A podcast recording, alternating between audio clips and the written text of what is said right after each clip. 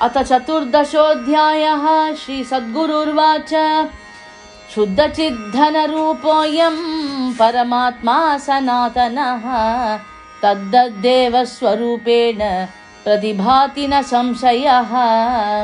परमात्मा निराकारो वस्तुतः पुरुषोत्तमः।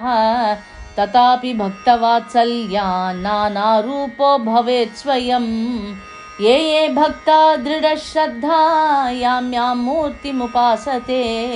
तां तां मूर्तिं ददात्येव भक्तानन्दकरो हि सः पातयन्ति शिलामूर्तिं चोराम्लेच्छाश्च निर्भयं। पूजयन्ति हि तामेव प्रेमभक्त्या तु वैष्णवाः। प्रेमैव परमं दैवं न दैवं मृच्छिलामयम् यद्यस्ति हृदये प्रेम सुलभो भगवान् हरिः। लिपिनाशाध्यता शब्दो नैव नश्यति सर्वगः। एवं नाशाच्छिलामूर्तेरीश्वरो नैव नश्यति। अव्यक्तं तत्परं ब्रह्म व्यक्तरूपेण भावुकाः। आराधयन्त्यालयेषु दृढया भक्तिनिष्ठया कश्चिदासीन् महायोगी रामदास इति श्रुतः दृढव्रतो ब्रह्मचारी ज्ञानी वैराग्यभूषणः। आञ्जनेयावतारोऽयं रामभक्तिमताम्बरः बाल्ये गृहद्विनिर्गत्य चकार सुमहत्तपः।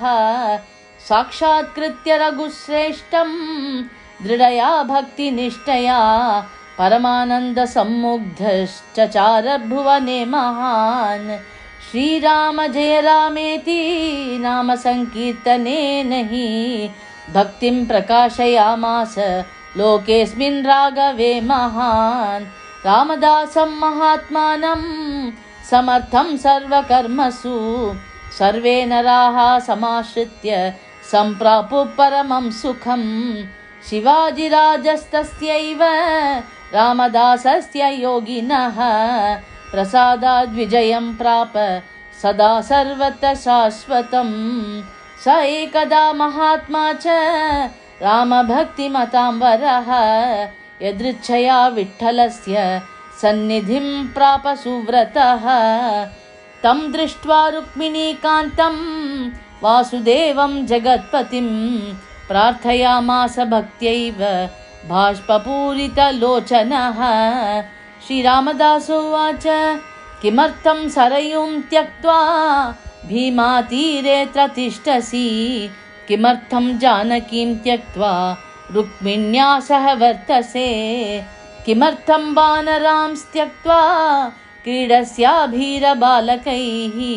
किमर्थं त्वं धनुस्त्यक्त्वा दधासि मुरळीमिह मद्भावमनुसृताय प्रार्थनां स्वीकुरु प्रभो तेनैव स्वीयरूपेण दर्शनं देहि राघवा।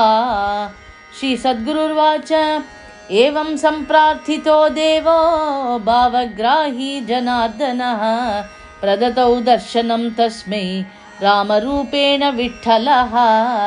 महाबाहुं विशालाक्षं पीनवक्षस्थलं प्रभुं पुण्यश्लोकं महात्मानं पुण्डरीकाय ते क्षणं किरीटहारकेयूर कुण्डलादिविभूषितं हरिचन्दनलिप्ताङ्गं कनकाम्बरवेष्टितं कोदण्डपाणिं सर्वज्ञं सर्वलोकमहेश्वरं मैथिल्यापि परिष्वक्तं लक्ष्मणेनाभिपूजितं राजाधिराजसेव्यं च रत्नसिंहासनस्थितं हनुमत्प्रमुखैरेवं वानरैरभिसेवितं विलोक्य रामदासोऽपि परमानन्दमूर्छितः पपातचरणोपान्ते विठ्ठलस्य जगत्पतेः मूर्तिबन्धाञ्चलिपुटो बाष्पसुस्निग्धलोचनः उन्मत्तवन्ननर्तापि राम रामेति कीर्तयन्। आलिङ्ग्यतं यथा पूर्वं पाण्डुरङ्गकृपानिधिः सान्त्वयामास सानन्दं प्रेमोन्मत्तं पुनः पुनः।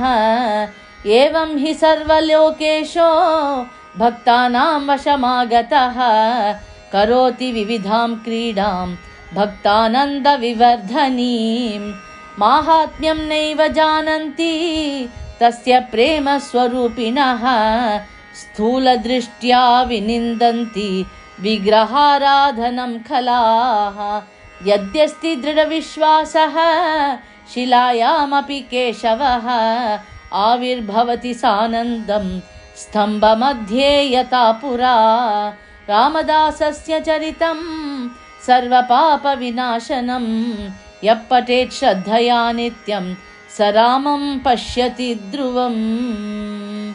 इति श्री श्रीकृष्णप्रेमि महाप्रभुविरचितायां श्रीवैष्णवसंहितायाम् अष्टमभागे समर्थरामदासचरितं नाम चतुर्दशोऽध्यायः। जय बोलो प्रेमिकेन्द्र सद्गुरुनाथ महाराज की जय